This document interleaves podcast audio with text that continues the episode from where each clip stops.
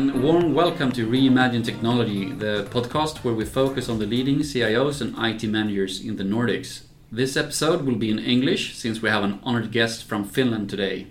My name is Michael Thunberg, and with me here today I have Kari Kuljotie, who is the Group CIO at NCC. Warm welcome, Kari. Thank you, Michael. Before we start, I, I thought we could mention a little bit about NCC as a company. I think everyone has heard of NCC and knows some of the things that you do.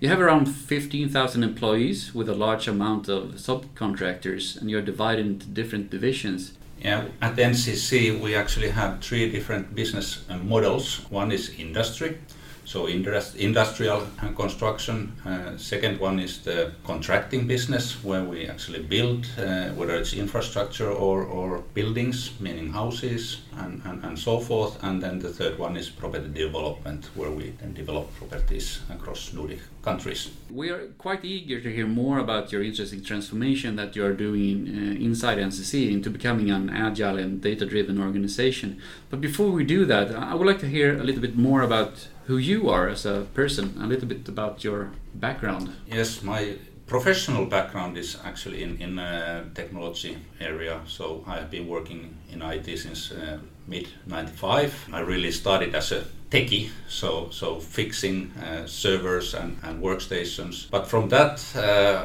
I would say it, it has been a really interesting journey, at least from my point of view, looking at really international companies like Tieto, Nokia, Telia or Sonera, uh, Telia Sonera or Telia nowadays, and building the, the, so to say, view from the international perspective how IT is managed globally. Or from education perspective, I have a background in the Helsinki University of Technology, so, so that's also a little bit from the technology side.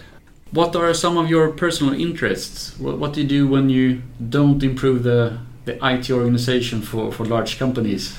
I'm a truly a sportsman. So I've been playing uh, ice hockey, football since I was a five-year-old boy. Uh, started in Turku, Åbo. From there, I have played ever since. I actually also have played in the highest level on, in, in Belgium ice hockey. So so really being on the national league level there. Nowadays, of course, you know, when, when you have that kind of a uh, history with the, the, sports, then you get injuries and all of that, and you get older. Uh, you really need to adjust yourself what you do. So nowadays it's uh, about golf, uh, skiing, uh, swimming, bicycling, and now actually as a latest one for for a year or so.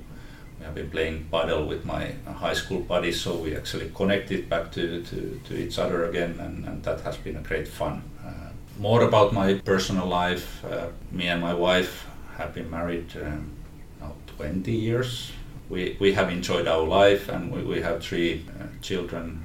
All of them are into sports as well, so, so we really have hectic uh, private life uh, while I'm not uh, traveling here to, to Sweden. But what would you say drives you and what, what are the things that gives you energy? I would say change is, is really the, the the thing. And, and even though I have the technological background, driving change together with great people, that's really the, the booster of, of my motivation and, and, and how to make a difference in a large scale.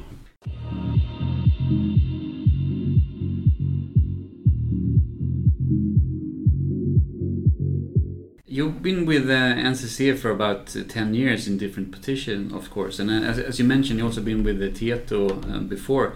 Uh, can you describe some of your previous uh, careers or, or, roles of what you have done there and sort of some of the bigger choices that you might have made during the years? Like I said, I started as a really technical person, but it was already in, in late 90s that I really wanted to go abroad and, and, and actually work internationally and, and actually, I just picked up the phone and, and called uh, a person at Tieto who was responsible for the international operations and asked, is there any possibility to go there? And more or less, it was less than a, less than a month. I found myself in, on a plane to, to, to Brussels in, in Belgium. Without anything, more or less, they said that you just pack your own stuff and come here, we will fix everything for you.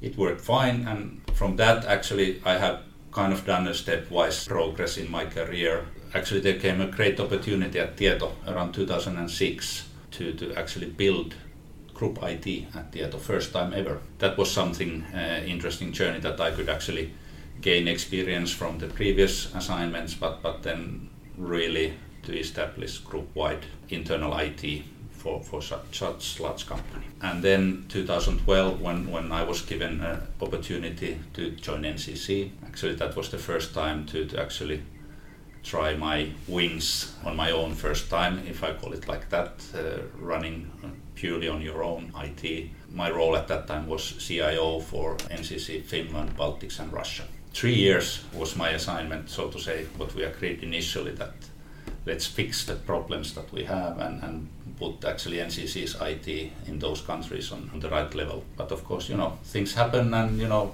new challenges come to your, to your way and, and, and suddenly now 10 years has passed. It has been a really interesting journey time goes uh, quickly when you're having fun. Exactly. Right? When you look back at, at the industry uh, in whole, as sort of as a, as a, on a bigger picture, what would you say are the biggest changes that, that is happening within your industry right now? Maturity around technology and digitalization in, in construction industry has been low traditionally, and I, I would say there are various reasons for it. Construction is pretty local business, so so how to drive uh, development in large scale uh, hasn't been really there, uh, the possibilities. But now it has been really picking up, I would say, the last five years, how we look at the technology and, and, and how do we invest in it and how we actually harvest the benefits from technology. So, so there is really, I would say, quite acceleration curve ongoing with the, with the construction industry at the moment. If we look a little bit more specifically at NCC, uh, you have, uh, as we mentioned previously, there are a number of different, very interesting ongoing initiatives that, that you do have. Would like to mention something about those? Yes, and you need to, of course, a little bit understand uh, NCC's landscape that we are coming from decentralized business models or business. Uh, we, we had the countries really strong, driving their own, so to say, business, and, and now we are really trying to harvest also the, the NCC as a large construction company. How can we benefit from that?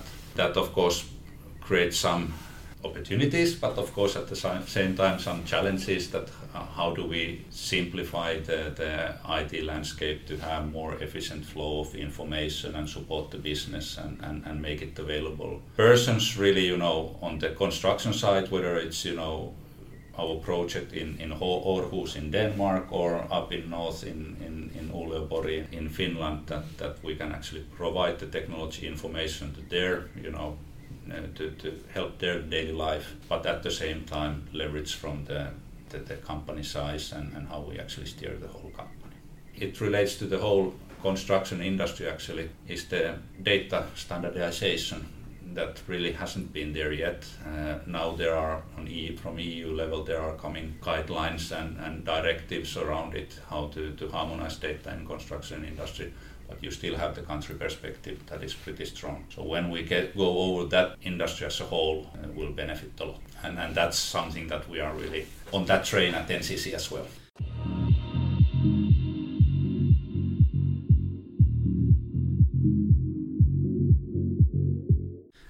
Becoming a, a data-driven organization is definitely uh, something that many, many different industries are, are, focusing quite a lot on. And of course, mm-hmm. you're also uh, quite involved in that one. What would you say the main benefits would be for NCC in, in, in becoming uh, a data-driven uh, organization? I was a little bit into it uh, here earlier.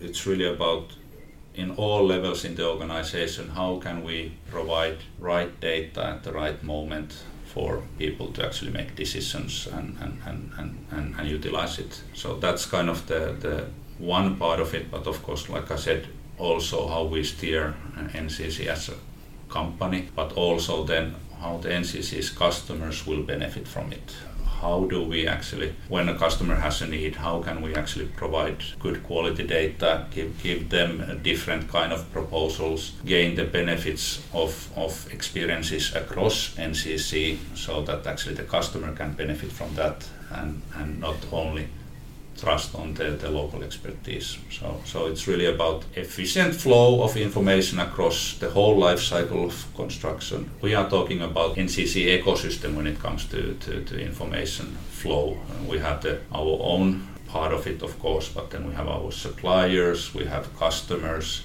and partners and investors, how we make that information, so to say, flow for the whole ecosystem. Some of the decisions that you take in, in your business, of course, involves uh, quite a large amount of, of, money. So, of course, having very informed decisions and understanding the history and background uh, will probably help you both save quite some money and also possibly help increase the, the revenue part, I guess. Yes, definitely. And, and, and uh, focus has been, or the main focus has been really on the internal efficiency, how we can actually be more efficient in the construction process. And, and also you, you co- uh, come um, uh, a bit on your way also when it comes to being an agile organization and, and really um, taking the next couple of steps. So where do you uh, see that you are there right now? Let me start with uh, you know being a data informed company as a strategic uh, direction for NCC. That that kind of also set requirements how do we actually operate not only within IT but in general at NCC especially when it comes to, to development. And, and we saw that the, the traditional way of doing the development is not sufficient enough. Therefore we started looking at what kind of uh, way we should actually go about it. In agile methodology, we looked at SAFe and, and other you know industry standards around it. But then looking at NCC culture and, and so on, we actually came to a conclusion that we need to, to build our own model based on the best practices, of course, that there are. And that journey has been now ongoing for the last one and a half years not an easy thing. You know, if you drive the full scale of transformation in the company and, and whether being data informed company is, is one part of it, and then on top of that, you, you, you drive uh, change behavior towards agile, it, it's a little bit massive exercise. But I think we are now, something clicked during the spring here, and, and now it has been really positive momentum around it. This will be a it's a little bit of a buzzword, never ending story. I think we will be on this journey for a long time. But I would say within a year's time, uh, one year time, uh, we are in a phase that we could say that maturity of our IT and development related to that one we do in an agile way. But it will continue still to be in a hybrid world uh, still after that. At least I have not seen that you can run an ERP implementation in an agile way. Maybe some has, and, and if there are colleagues, please reach out to me. around it. No, I, I think uh, you will likely see very few people raising their hands and saying they want to do a big ERP implementation and running full agile. Yeah. Uh, but it would be very interesting to see if somebody actually have done that and what their experience is. So, uh, as you said, please feel feel free to reach out.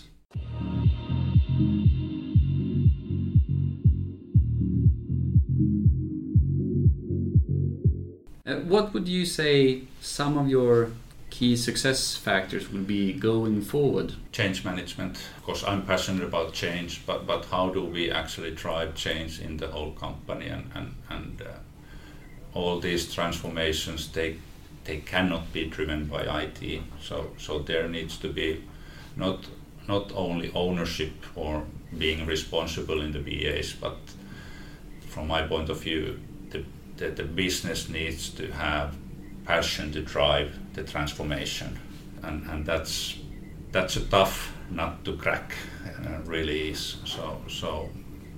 I think it's a very good insight that you have. Uh, change is being done together with the business, and uh, I think previously it's been IT more separate for themselves. Now IT is a very integrated part of, of the business. I, I, think it's very hard to make any changes in the business without involving IT uh, unless you're a very very small uh, organization. That's very correct, and, and one challenge here also maybe it's an opportunity as well, but it's really about business needs. Or of course, their focus is making you know their core business, so making profit and, and delivering to our customers, and and then how they can uh, release the capacity as well to be part of the, the the development journey while delivering on day-to-day basis to, to customers and keeping the, the operations on, on a good level. So good, and uh, you've been here for for ten years, um, uh, in about. So, what would you say? Uh, how is NCC to, to work for uh, as a company? What what are sort of the, the key positive things that NCC brings to to their employees? I have actually, and this is not a sales slogan, but uh, it's really people's company, and you you will feel it. I, I'm I'm 100% sure when you actually enter uh, NCC office or or you actually join as a new employee.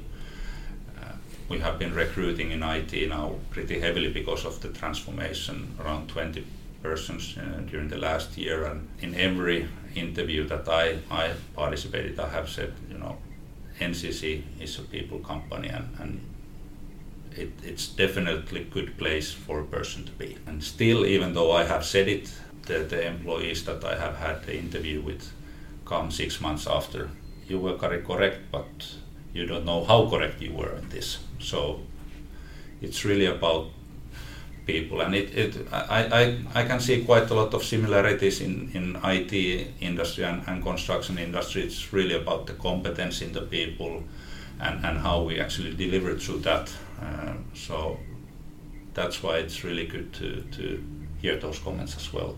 People feel well.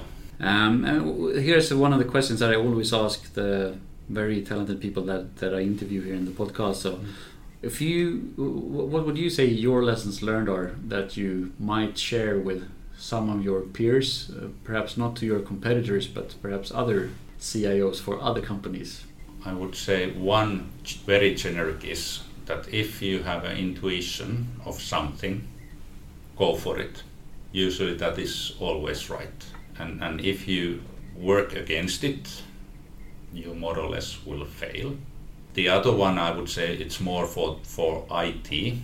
Don't push through solutions that business don't want to take into use. That's the way to, to actually use CIO uh, abbreviation. Uh, career is over, so to say. So those would be the two two main main insights from me. You go for intuition, and and then the other one is that work together a bit with the business that don't push them through a wall if they don't want to. Thank you very much, Kari, for, for sharing some of your experiences and knowledge to all of our listeners. Thank you, Michael. It was a pleasure to be here. You have listened to Reimagine Technology, a podcast produced by Sofigate. Thank you very much for your time and stay tuned for another episode.